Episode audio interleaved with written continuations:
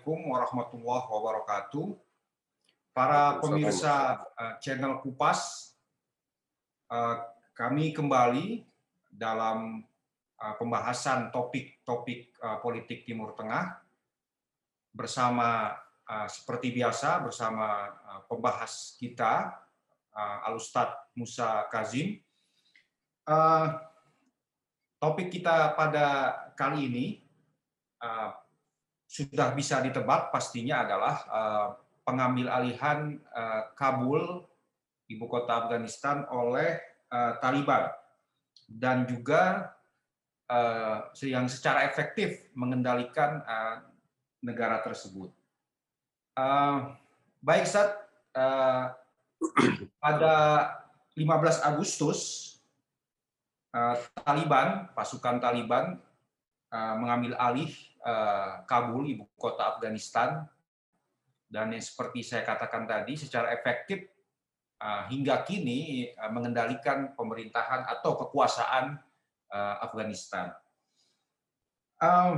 Peristiwa yang disebut oleh media-media Barat mengejutkan Amerika Serikat dan sekutu-sekutunya, NATO, tapi apakah menurut antum, pandangan antum, eh, peristiwa ini atau pengambil alihan eh, Kabul oleh Taliban untuk yang kedua kalinya kalau saya tidak salah karena tahun 90-an 96 kalau tidak salah sempat juga eh, mengendalikan Afghanistan dan ditendang keluar oleh koalisi Amerika pada 2001 apakah ini merupakan sesuatu yang mengejutkan sebagaimana digambarkan oleh media-media barat atau memang sesuatu yang sudah bisa diprediksi dalam waktu dekat akan terjadi?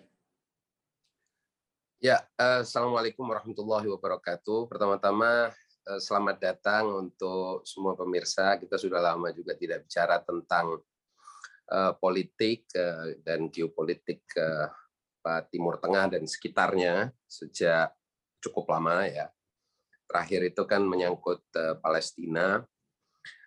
Nah, uh, saya memang agak perlu waktu untuk menyerap uh, isu ini karena isu Taliban ini buat saya uh, banyak dimensinya juga, jadi memiliki banyak aspek dan kalau kita baca di media Indonesia ya di media kita apakah itu media sosial atau media resmi, tampaknya isu ini eh, seolah-olah hanya memiliki satu dimensi, yaitu dimensi eh, Taliban dan konflik internal di Afghanistan versus eh, koalisi Amerika. Padahal kita bisa tarik juga dimensi ini secara geopolitik juga.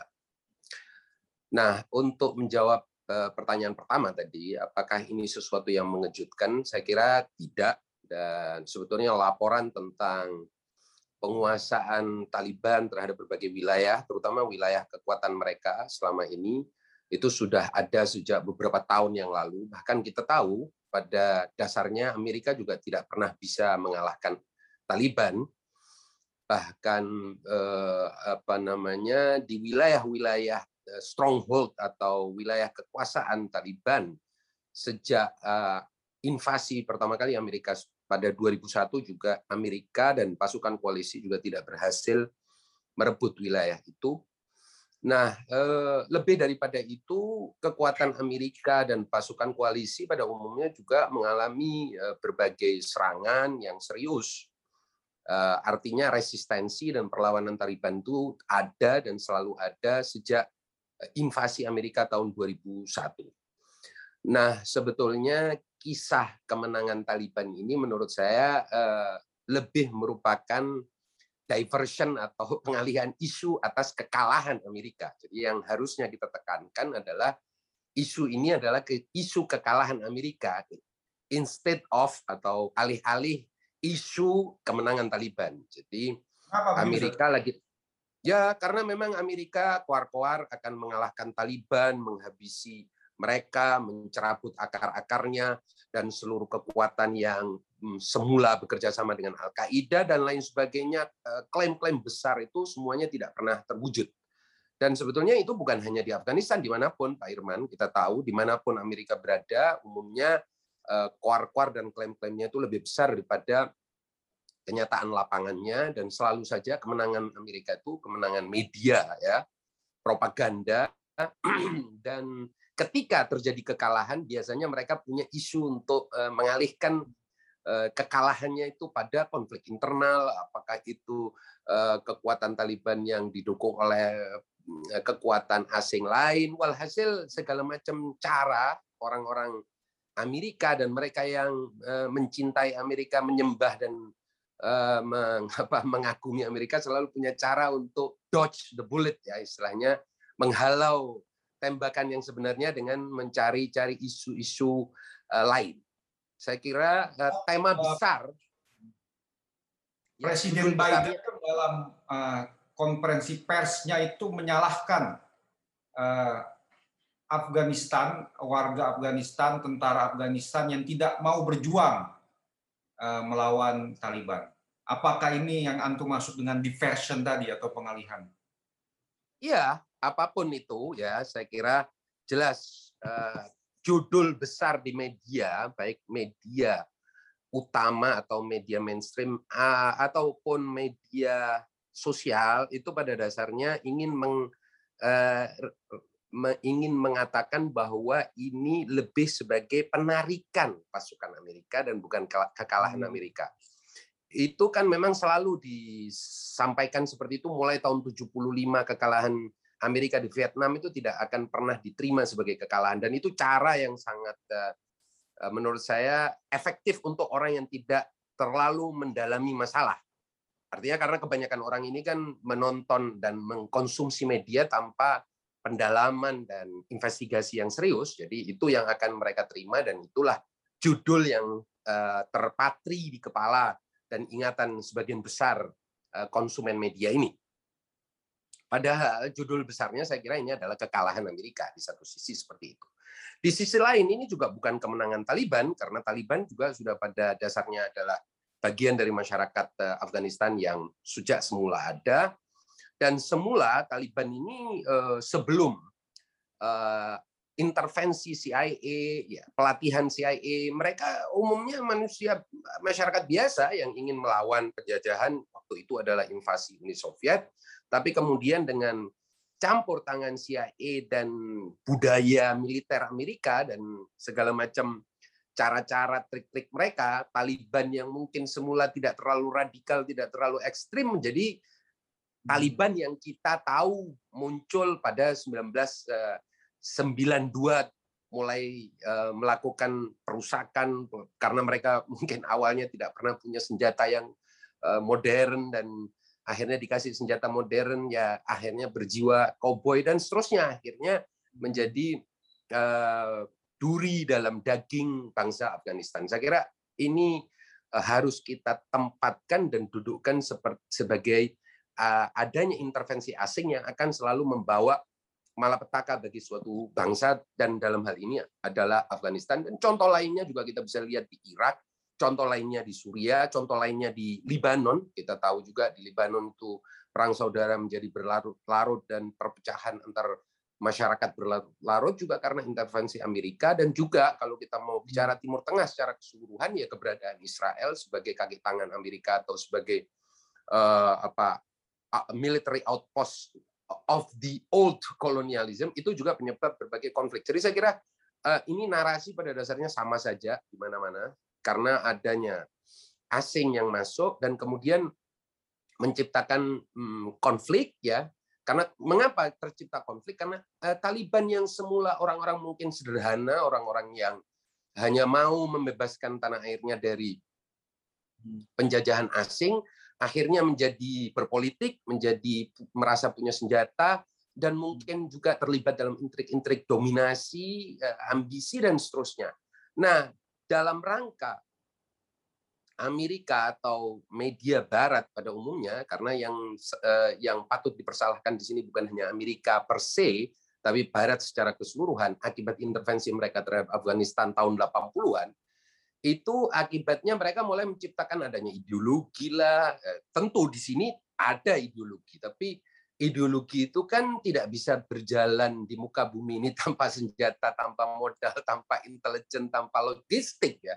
Ideologi sebagai ideologi ya ada di kitab-kitab, tapi siapa yang mendanai ideologi itu bergerak di tengah masyarakat, melakukan penghancuran, melakukan perusakan, menjadi punya aksi-aksi ekstremis dan lain sebagainya. Saya kira ini poin yang harus kita angkat eh, ketimbang kita bicara tentang hal-hal lain. Nah, ini dimensi pertamanya Pak Irman untuk menjawab uh, pertanyaan apakah ini sesuatu yang sesuatu yang bisa kita prediksi bahwa akan terjadi saya kira bisa dan mudah sekali bagi mereka yang membaca peta Afghanistan atau peta kekuatan Amerika di mana pun bahwa Amerika itu selalunya eh, meninggalkan luka eh, akibat intervensi militernya di mana pun mereka berada dan sejak puluhan tahun sudah terlihat pola itu.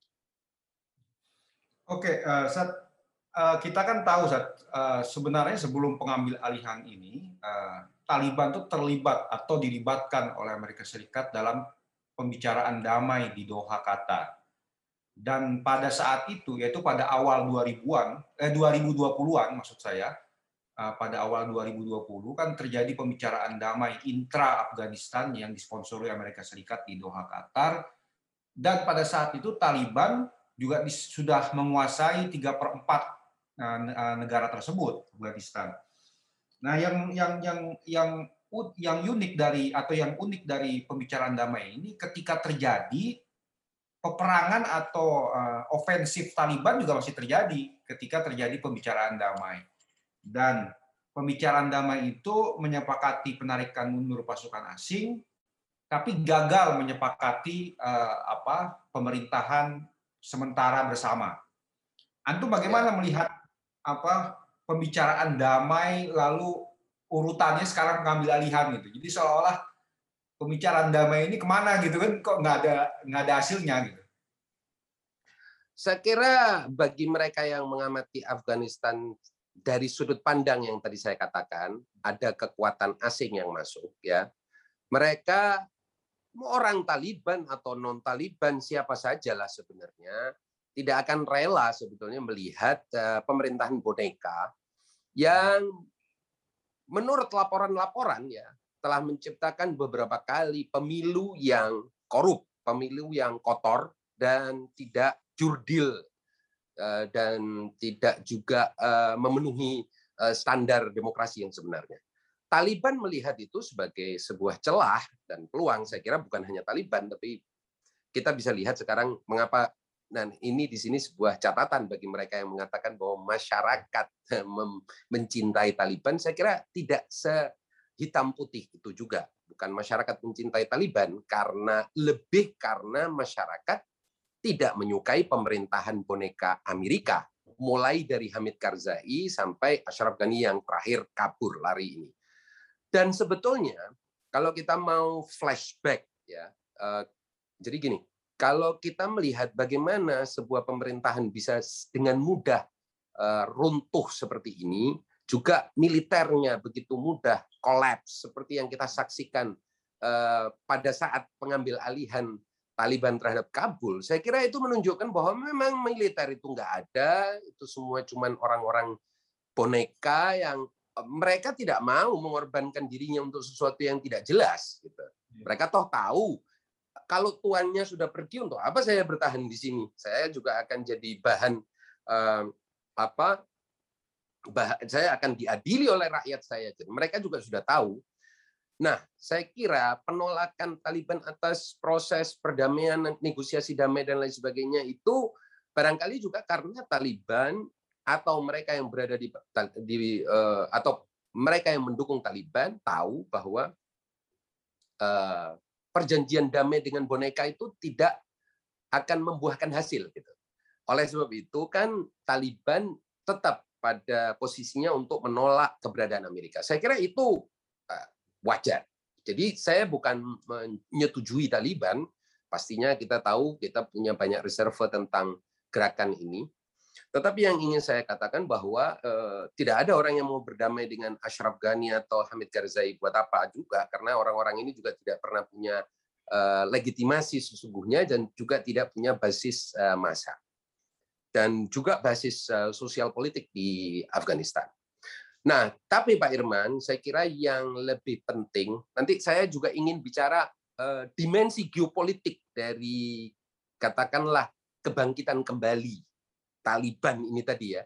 Ini juga penting untuk kita nanti barangkali juga Pak Irman bisa kita gali sedikit atau kita geledah persoalan geopolitik yaitu ketegangan antara India dan Cina, Pakistan hmm. dengan India dan hubungan uh, atau me, apa ya me, Eh, menghilangnya atau meredanya eh, kemesraan antara Saudi dengan Pakistan dan semua itu menyebabkan Taliban jilid dua ini berbeda dengan Taliban sebelumnya. Saya kira ini juga penting untuk kita bahas ya.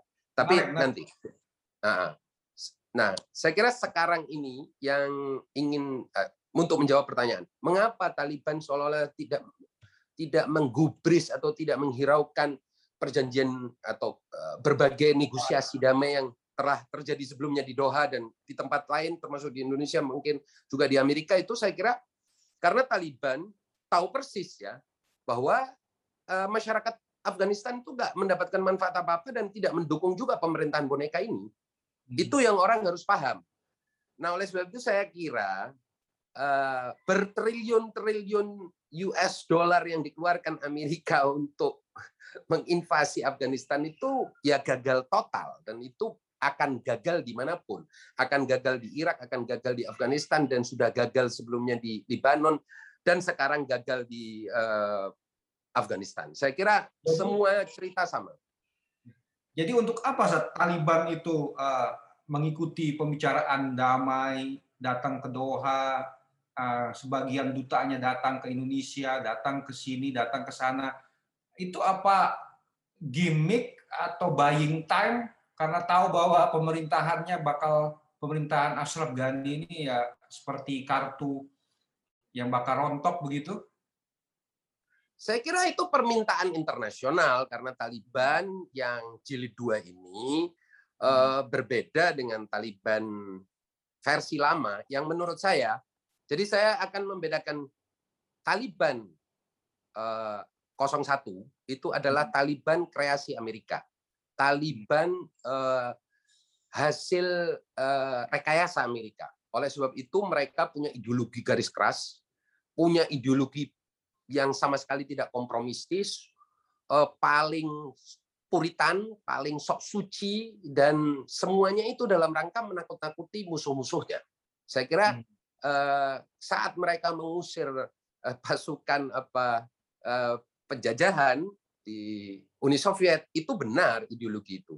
Tapi kan yang mengusir pasukan penjajahan eh, apa Uni Soviet itu bukan hanya Taliban ya. ya. Nah, Taliban ini kan baru belakangan setelah Uni Soviet sudah terusir atau keluar dari Afghanistan, barulah mereka itu eh, meneguhkan ideologi puritan Wahabinya dan itu pastinya karena injeksi dari luar dan bahkan instruksi dari luar. Terutama kita tahu Amerika dan Arab Saudi bekerja sama dengan intelijen Pakistan dalam rangka untuk membuat eh, sebuah basis atau pangkalan kaum radikalis dunia. Kita tahu sebelum itu CIA bekerja sama dengan sejumlah negara Islam, terutama Arab Saudi dan Mesir, telah mengumpulkan ribuan orang ekstremis dan mendoktrin mereka, mencuci otak mereka untuk menjadi orang-orang ekstremis yang kemudian dikumpulin semuanya di Afghanistan. Ketika terjadi 9/11 atau uh, peristiwa 11 September, Amerika punya kepentingan atau katakanlah ya malu ingin uh, ingin menghabisi lah Al Qaeda dan induk semangnya yaitu Taliban. Tetapi kemudian mereka tahu bahwa ini adalah langkah yang nggak ada ujungnya. Karena Afghanistan bukan tempat yang bisa dikuasai oleh sebuah imperium yang sudah decaying, yang sudah nyaris uh, punah hmm. seperti Amerika. Bahkan kalaupun imperium di puncak kekuatannya pun tidak akan mudah menguasai terrain atau apa teritori dan uh, wilayah geografis seperti Afghanistan yang kita tahu mungkin ada ratusan ribu gunung yang uh, menyebabkan pasukan itu akan kesulitan untuk memasuki apalagi mendudukinya. Ya. Uh, tadi Yanto menyebut ada Taliban 01 dan Taliban yang lain atau uh, ya kita melihat indikasi-indikasi uh, yang bagi uh, saya dan uh, mungkin banyak orang itu mengejutkan. Misalkan Taliban mengatakan ada amnesti, kami tidak akan memburu orang-orang pro Amerika, pro rezim lama. Kami akan memaafkan semuanya. Kami juga akan memberikan hak kepada perempuan, kaum perempuan untuk bersekolah sampai perguruan tinggi. Lalu kami juga menghormati bahkan menjaga ibadah-ibadah kaum minoritas umat beragama. Apakah ini yang antum sebut Taliban versi baru ini. Dan sebenarnya apa kaitan geopolitik dengan Taliban versi baru ini? Ya, tadi saya eh, apa namanya telah menyinggung ya, ada dimensi lain yang tampaknya sejauh ini tidak tereksplorasi di media dan juga hampir tidak ada pengamat yang membacanya dari sisi geopolitik. Dan juga mengapa eh, Taliban yang sekarang ini, Taliban 02 ini, naga-naganya berbeda dengan Taliban 01. Saya kira pertama, bahwa Taliban 01 itu adalah Taliban binaan CIA yang fungsi dan peran utamanya adalah melakukan kerusakan-perusakan dan tidak ada agenda politik.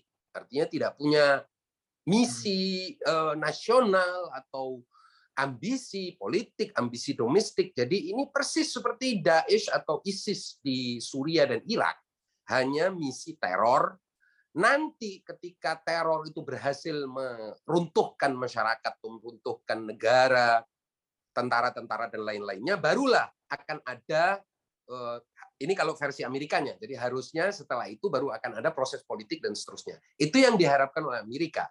Ternyata eh, Taliban 01 itu eh, ya Amerika itu seperti membesarkan serigala yang kemudian memakan tangannya sendiri. Saya kira selesai 01, Taliban itu kemudian bermetamorfosa dan ada mulailah mereka melakukan negosiasi seperti yang Anda katakan tadi, mulai hmm. membaca situasi politik dan saya kira di sini situasi geopolitiknya juga sudah berbeda. Hmm. Pertama, eh, kita melihat Arab Saudi sudah tidak lagi punya tangan di Afghanistan. Kalau kita mau bicara dari sudut pandang dunia Islamnya ya, yang sekarang berperan itu kan lebih banyak uh, Qatar yang kita tahu approach-nya ya. terhadap gerakan Islam berbeda dengan approach uh, Arab Saudi yang biasanya jauh lebih uh, brutal, jauh lebih mengusung ideologi garis keras yang pada akhirnya juga kita tahu berujung pada hanya pertumpahan darah tanpa ada agenda politik atau bahkan kemenangan politik apa pun. Seperti yang mereka lakukan di Yaman ya, Pak Irman. Kan tidak ada juga. Tidak ada tidak ada hal hasil apa pun kecuali kehancuran dan penghancuran dan kerusakan dan pembunuhan, pembantaian dan seterusnya. Saya kira Taliban 01 itu fungsinya adalah itu dan itu dikreasi, diciptakan oleh CIA dan uh, kroni-kroninya dan mereka yang terkait dengan CIA ketika itu, terutama juga waktu itu Pakistan di era Ziaul Haq yang kita ya. tahu punya kepentingan dan punya intelijen untuk uh, apa, bekerja sama dengan Amerika. Tapi kemudian Taliban 02 ini tahu telah terjadi suatu perubahan geopolitik di Asia Selatan ini pada umumnya dan juga Asia Barat pada umumnya yang tidak menguntungkan buat dia untuk pakai cara yang lama, bahkan menyebabkan mereka tidak akan pernah punya masa depan. Itu yang saya kira mereka pelajari. Dan orang di Afghanistan cukup tahu untuk masalah seperti itu. Ini yang pertama. Artinya mereka melihat bahwa Arab Saudi sudah tidak ada lagi di wilayah itu, Pakistan sudah tidak lagi uh, menetek ya atau menyusu kepada Arab Saudi. Dan kemudian Arab Saudinya juga sudah tidak sebesar Arab Saudi era 80-an, sudah tidak ada lagi. kekuatannya sudah menyusut. Saya kira juga rezim Arab Saudi juga mulai berpikir untuk berhubungan dengan Iran dan itu artinya Taliban 01 itu fungsinya sudah tidak ada lagi. Raison d'être Taliban 01 itu sudah uh, tidak akan dipakai lagi. Jadi uh, apa masa uh, masa bakti Taliban 01 sudah tidak ada, sudah hilang, sudah habis. Oleh sebab itu mereka harus cepat-cepat mengubah uh, dirinya bermetamorfosis menjadi Taliban 02. Apa itu Taliban 02? Yaitu Taliban yang ingin memanage negaranya dengan bantuan aliansi baru, ya, yaitu Pakistan uh, Imran Khan yang sekarang ini tampaknya tidak punya hubungan khusus dengan Saudi, melainkan juga ada hubungan dengan semua, melainkan berhubungan dengan semua pihak, termasuk Iran. Kemudian juga uh, Cina yang punya kepentingan untuk uh, merebut uh, wilayah ini, Afghanistan ini, untuk kepentingan-kepentingan bisnis mereka, kita bisa baca laporan-laporan itu.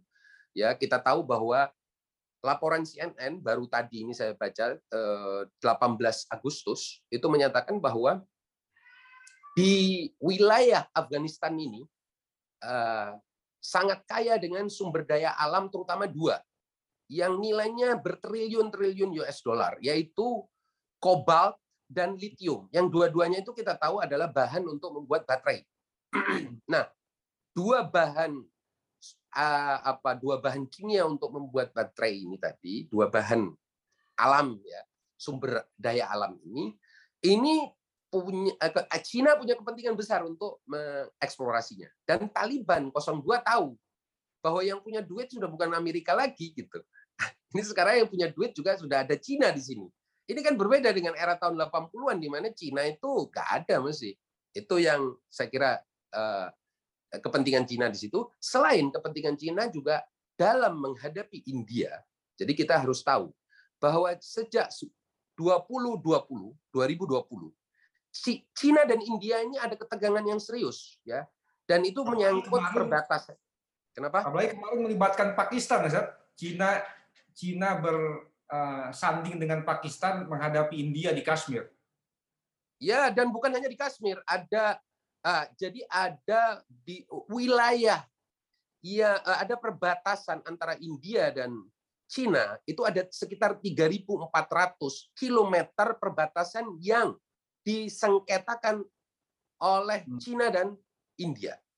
Dan hmm. mereka terlibat. Anda bisa baca itu di media, di Wikipedia aja kalau Anda buat eh, Anda buat apa judul, Anda cari search ya, eh, konflik India Cina atau India China tension, Anda akan menemukan eh, latar belakang masalah itu dan juga timeline dari masalah itu. Kita bukan sedang membahas itu sekarang. Intinya Cina berharap Afghanistan ini milik dia atau beraliansi dengan dia, caranya satu-satunya adalah yang mendukung Taliban mengalahkan Amerika. Karena kalau di situ ada Amerika, Amerika hanya akan melakukan gameplay, permainan aja, dan me, ya mungkin memeras ke sini, me, uh, intimidasi ini, mengiming-iming ini, dan intinya keberadaan Amerika ini menyebabkan ada pihak ketiga, dan Cina ingin dia deal aja dengan Taliban untuk memuluskan uh, pertarungannya dengan India di era yang akan datang atau di fase berikutnya. Saya kira itu plus juga kepentingan ekonomi seperti yang tadi saya katakan ada mineral, eh, ada kekayaan alam berupa kobalt dan lithium dan juga eh, mineral-mineral langka lainnya yang itu semua mineral dibutuhkan untuk baterai dan juga produk-produk teknologi tinggi di masa depan.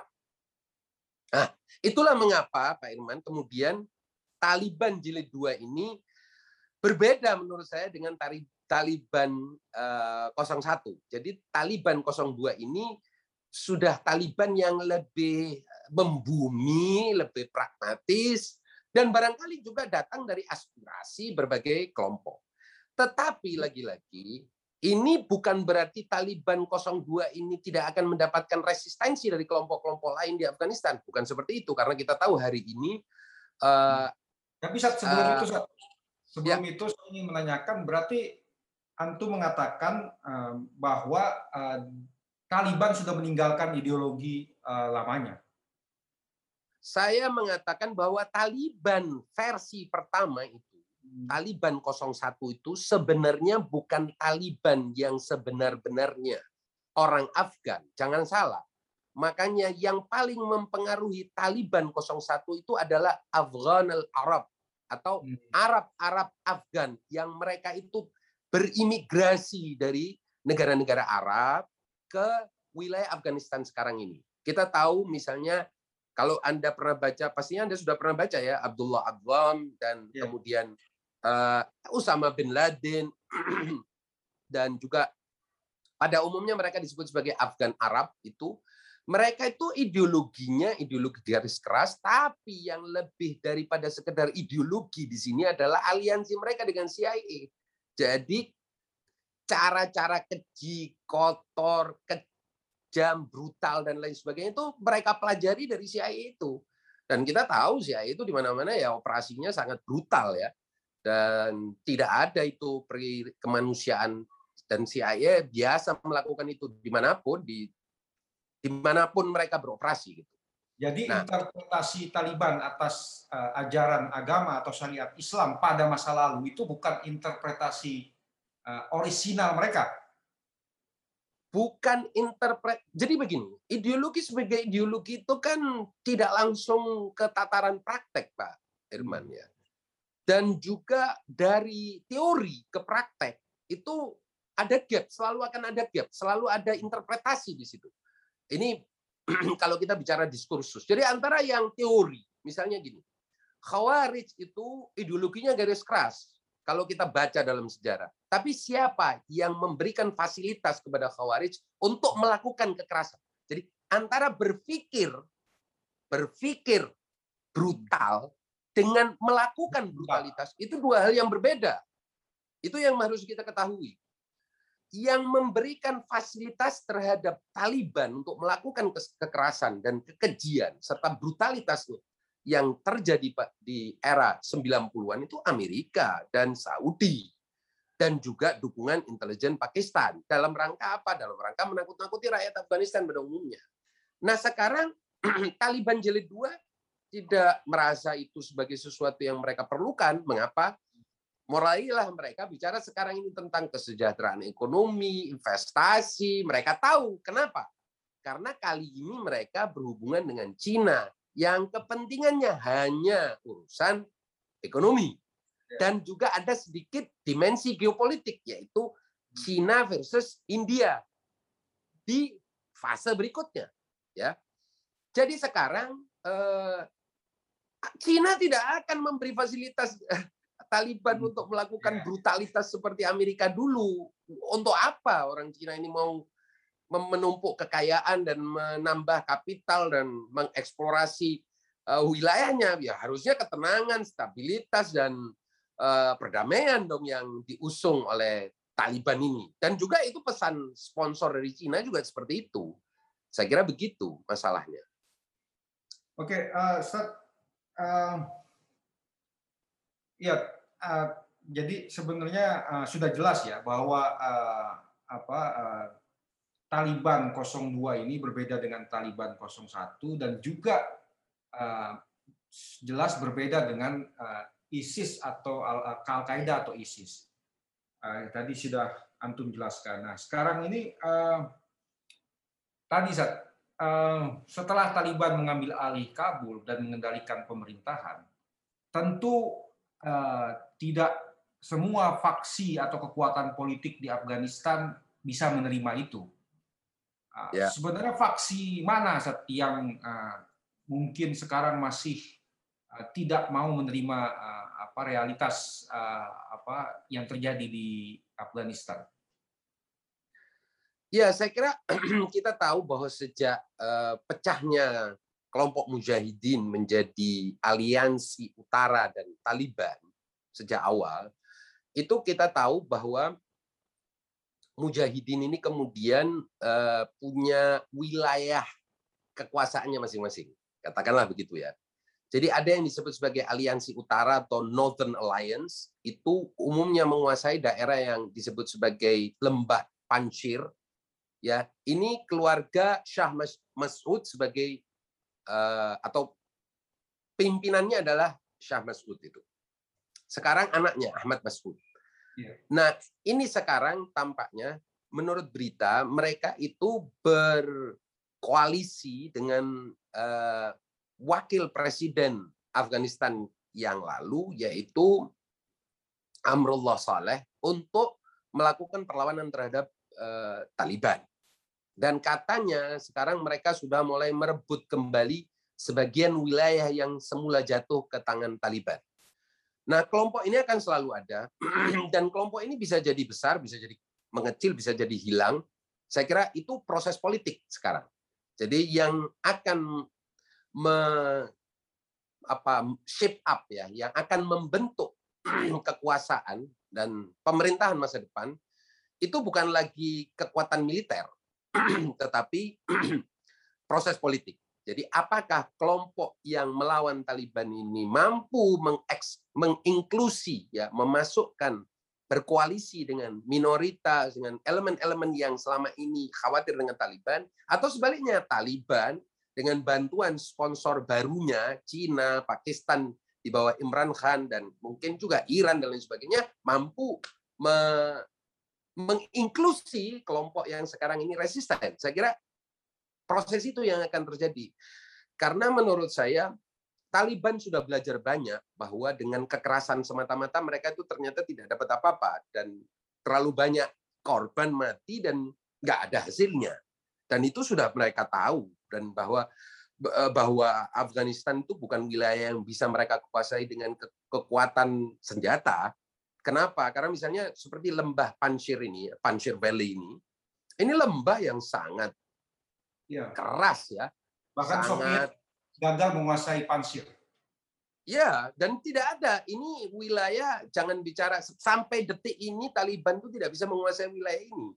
Jadi wilayah ini akan lepas dari kendali siapa pun kecuali mereka yang mampu mengajak uh, masyarakat dan tokoh dan elit dari mereka yang uh, semula curiga dengan Taliban, yaitu Northern Alliance atau Aliansi Utara, untuk masuk ke dalam pemerintahan dan bentuk membentuk pemerintahan yang sebenarnya. Saya kira itu yang yang hmm. akan terjadi gitu. Ya, berarti pertanyaan dan barangkali apa? Pak Irman, barangkali ini yang harus saya katakan, barangkali mengapa Hamid Karzai dan juga Ashraf Ghani sebelum ini tidak mau lari ke Panjshir Valley. Kenapa mereka tidak lari ke sana? Karena di lembah itu mereka juga tidak disukai. Jadi mereka yang selama ini memusuhi Taliban juga bukan berarti suka dengan pemerintahan Ashraf Ghani dan Hamid Karzai karena mereka juga tahu ini pemerintahan boneka. Ada apa saya ber apa aliansi dengan kelompok yang cuman uh, cangkokan dari luar ini. Saya kira itulah mengapa sekarang ini wakil presiden itu justru tidak ikut lari kan bersama dengan iya. menteri-menteri dan komandan-komandan militer ya dan juga presidennya Afghanistan ya, pemerintahan yang disebut pemerintahan Kabul ke apa eh, kekuatan dan ketahanan yang dimiliki atau kemampuan yang dimiliki oleh kelompok di eh, lembah Panjshir ini eh, lebih hakiki lah gitu, lebih sejati lah. Mereka punya real politik, mereka punya basisnya, dibandingkan dengan orang-orang di Kabul itu. Oke, berarti sekarang pertanyaannya, apakah ada kemungkinan uh, Taliban mengakomodasi kekuatan-kekuatan politik yang berseberangan dengan diri mereka, seperti kelompok dari lembah Pansir ini atau uh, apa wakil presiden plus uh, keluarga atau pengikut dari uh, Ahmad uh, almarhum Ahmad Shah Mas'ud. Apakah ada kemungkinan? Karena kita tahu Taliban ini kan uh, dulu tahun 90-an tuh pernah juga didatangi oleh Ahmad Shah Mas'ud langsung bahkan berhadapan dengan Ahmad Shah Mas'ud datang ke daerah kekuatan Taliban menawarkan Taliban untuk masuk ke dalam pemerintahan tapi ditolak. Artinya kan ada memang semacam uh, dua tanda kutip dendam di antara apa dua kelompok ini saat Nah, ya itu saya bilang. Ini begini ya. Taliban 01 yang membunuh Ahmad Shah Masud itu kan berbeda dengan Taliban 02. Kenapa? Karena Taliban 01 itu kan otaknya ini otak operasi intelijen ala CIA. Jadi mereka ini ya nyaris tidak punya kepentingan domestik. Akhirnya membesar nggak jelas menjadi uh, seperti dinosaurus mau menghancurkan Amerika, mau menghancurkan dunia, mau meng, apa, menegakkan Islam, syariat Islam dan negara Islam di seluruh dunia. Walhasil ini manusia-manusia khayal. Nah kalau Taliban 02 ini lebih pragmatis, lebih membumi, barangkali mereka bisa bernegosiasi dengan kelompok uh, lembah Panjshir ini dan juga mungkin kelompok Hazara karena setahu hmm. saya juga etnik Hazara ini juga etnik yang bisa dianggap sebagai Syiah ya di Afghanistan ini kan juga punya masa lalu pemberontakan, ya. masa lalu pertarungan. Salah satu korban terbesar Taliban. Ya, dan sampai sekarang setahu saya uh, Eh, etnik Hazara yang berada di Hazar Jat itu sampai sekarang tidak dikuasai oleh Afghanistan eh, oleh Taliban. Jadi Taliban juga punya uh, pemahaman bahwa menguasai wilayah-wilayah uh, itu mungkin sekarang bukan prioritas dan saya kira tidak mereka juga paham itu tidak akan pernah bisa gitu. Nah, yang terjadi persis sebelum 11 September pembunuhan terhadap Ahmad Shah Masud ya itu kan karena uh, ada rencana mereka untuk melakukan serangan uh, ke Amerika. Ya, Jadi itu kan sempat memberikan warning kalau tidak salah ya ke ya, Amerika. Ke Amerika. Dan sebetulnya kan itu balasan Taliban dan Al Qaeda terhadap Ahmad Shah Masud. Yang menurut saya itu justru karena Ahmad Shah Masud tidak mau Amerika masuk ketika itu ke hmm. Afghanistan dan menginvasi sebagaimana yang terjadi sekarang. Jadi pembunuhan Ahmad Shah Masud itu karena juga adanya Taliban 01 yang binaan Amerika yang akhirnya dendam terhadap Amerika dan juga ada ya kita tahulah 11 September ini banyak masalah lah Pak Irman ya. Ini bukan juga sebuah serangan yang tanpa uh, sinisisme dan tanpa apa ya udang di balik batu atau udang di balik uh, serangan itu. Ini kita tahu bahwa ini serangan bukan serangan polos hmm. Al-Qaeda terhadap uh, Twin Tower atau Menara Kembar. Ya tidak juga. Kenapa? Karena setelah itu ada war on terror atau perang atas teror yang kita tahu perang atas teror itu mengharu biru dunia, menyita perhatian dan juga ya menakut-nakuti negara-negara musuh Amerika seperti Cina, seperti Iran dan lain sebagainya. Kita tahulah di balik semua itu apa. Nah, juga barangkali ada kepentingan ekonomi. Aduh, kalau kita bicara tentang 11 September itu apa dan teori konspirasinya kan kepanjangan. Intinya menurut saya itu bukan innocent attack dan juga Taliban 01 itu punya Eh, bos-bosnya yang bukan orang Afgan dan tidak punya kepentingan dengan Afgan. Nah, Taliban 02 atau Taliban Jilid 2 saya kira harusnya itu berbeda. Wallahu alam ini ini cuman prediksi. Kenapa hmm. berbeda? Karena Amerika sudah tidak eh, hmm. bisa mengendalikannya. Nah, selama tidak ada intervensi asing seperti itu, kemungkinan besar Taliban 02 ini akan lebih waras lah ya, lebih Dan membumi lah. Soliditas di dalam negeri ya, saja dengan paksi-paksi ya, Dan, ya dan juga lebih pragmatis dalam melihat masalah. Jadi bukan oh mau menegakkan syariat di seluruh dunia, bla bla bla yang isinya sebetulnya kita tahu itu semuanya titipan ya kalimat-kalimat yang dibaca oleh orang-orang itu adalah kalimat-kalimat titipan dari kekuatan-kekuatan lain dan operasi intelijen di baliknya dan seterusnya kita sudah lama bicara tentang 11 September pernah juga di apa di channel ini kita bicara tentang teori-teori di baliknya. Yang jelas menurut saya Taliban 02 juga melihat kenyataan dalam negeri Afghanistan, kenyataan diri mereka bahwa mereka ini juga bukan kekuatan utama yang bisa menguasai semuanya. Mereka tahu itu karena itu juga mereka kan eh, melihat bahwa mereka juga tidak menguasai Kabul juga bukan kekuasaan yang mohon maaf ya, kalau saya katakan bukan kemenangan itu karena ini Pak eh, pemerintahan boneka ini kan lari bersama Amerika. Jadi tidak ada perlawanan serius di situ. Nah, mereka tahu kalau mereka tidak bekerja sama dengan kelompok-kelompok lain masyarakat Afghanistan, mereka dengan mudah juga akan diperlakukan yang sama, dijatuhkan, digulingkan dan diusir seperti mereka mengusir pemerintahan boneka uh, Ashraf Ghani itu. Nah, ini yang mereka harusnya tahu. Apalagi seperti yang tadi saya katakan, geopolitik sudah berubah. Artinya Pakistan sudah bukan Pakistan yang dulu lagi. Uh, ada Cina di situ bukan dan bukan Amerika. Ada eh, Cina punya kepentingan ekonomi kalau mereka ini ribut terus keadaan kacau dan seterusnya kapan mereka akan investasi hmm. akhirnya investasi tidak datang kalau tidak ada investasi tidak ada kesejahteraan berarti mereka tidak akan bisa memegang kekuasaan Afghanistan saya kira juga akan ada Iran di situ jadi Iran juga hubungannya dengan Pakistan tidak seperti Iran era Zia apa maaf eh, Pakistan era Ziaul Haq artinya sekarang Iran dan Imran Khan ini lebih dekat ketimbang masa sebelumnya. Dan Imran Khan ini bukan bonekanya Arab Saudi, juga tidak begitu dekat dengan uh, saya kira dengan Amerika juga tidak dekat, tapi dengan Cina justru dekat. Dan mereka juga tahu kalau Taliban tidak berhasil membangun, ya, mem membentuk pemerintahan berdasarkan koalisi dengan berbagai elemen masyarakat lain, saya kira kemungkinannya India akan intervensi dan perang regional akan terjadi dan itu akan lebih buruk buat semua.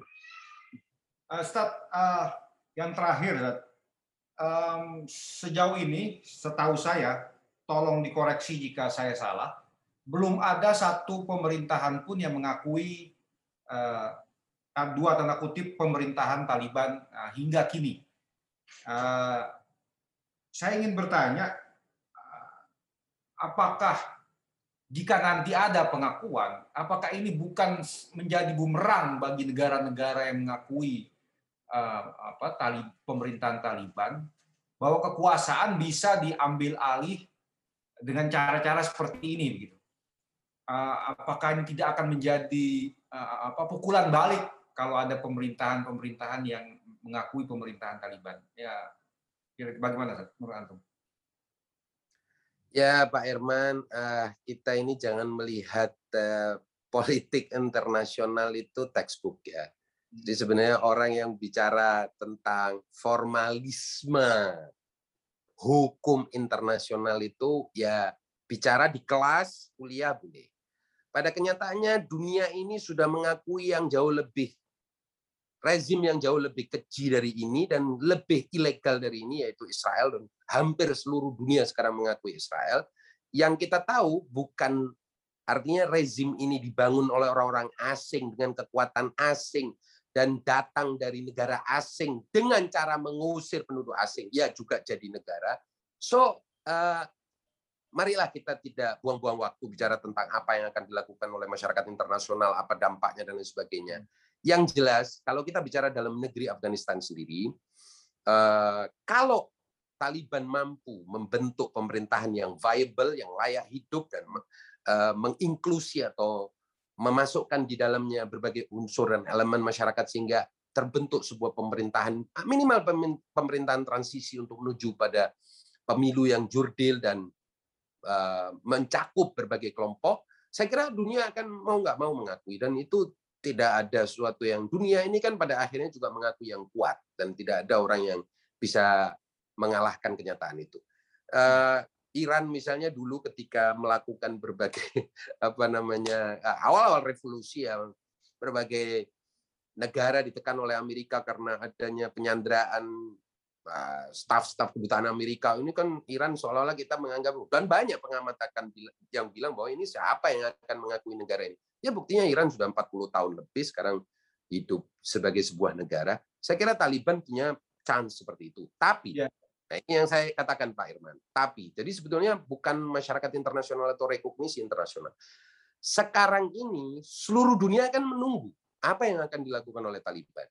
Seperti Anda bilang, kalau ternyata Taliban yang cuma ngandalin kekuasaan dan pengusiran apa pengambil alihan kekuasaan hanya dengan cara seperti yang mereka perlihatkan selama ini, hanya itu saja, tanpa ada proses politik, tanpa ada negosiasi, rekonsiliasi dan lain sebagainya, saya kira mereka tidak akan pernah mendapatkan rekognisi internasional. Ya. Kalau rekognisi internasional itu penting, Pak Irman.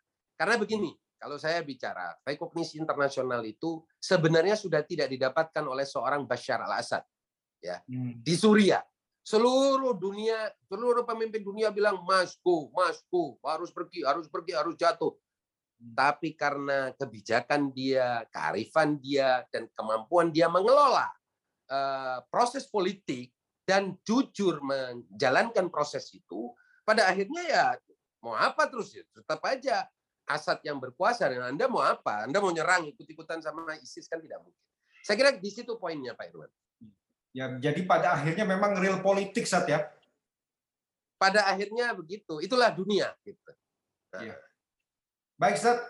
Terima kasih Ya.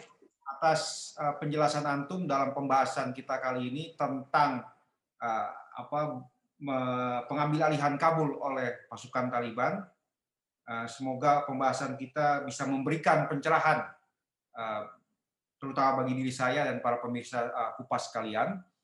Uh, demikian para pemirsa sekalian pembahasan kami tentang uh, uh, situasi di Afghanistan, yaitu pengambil alihan Kabul oleh pasukan Taliban.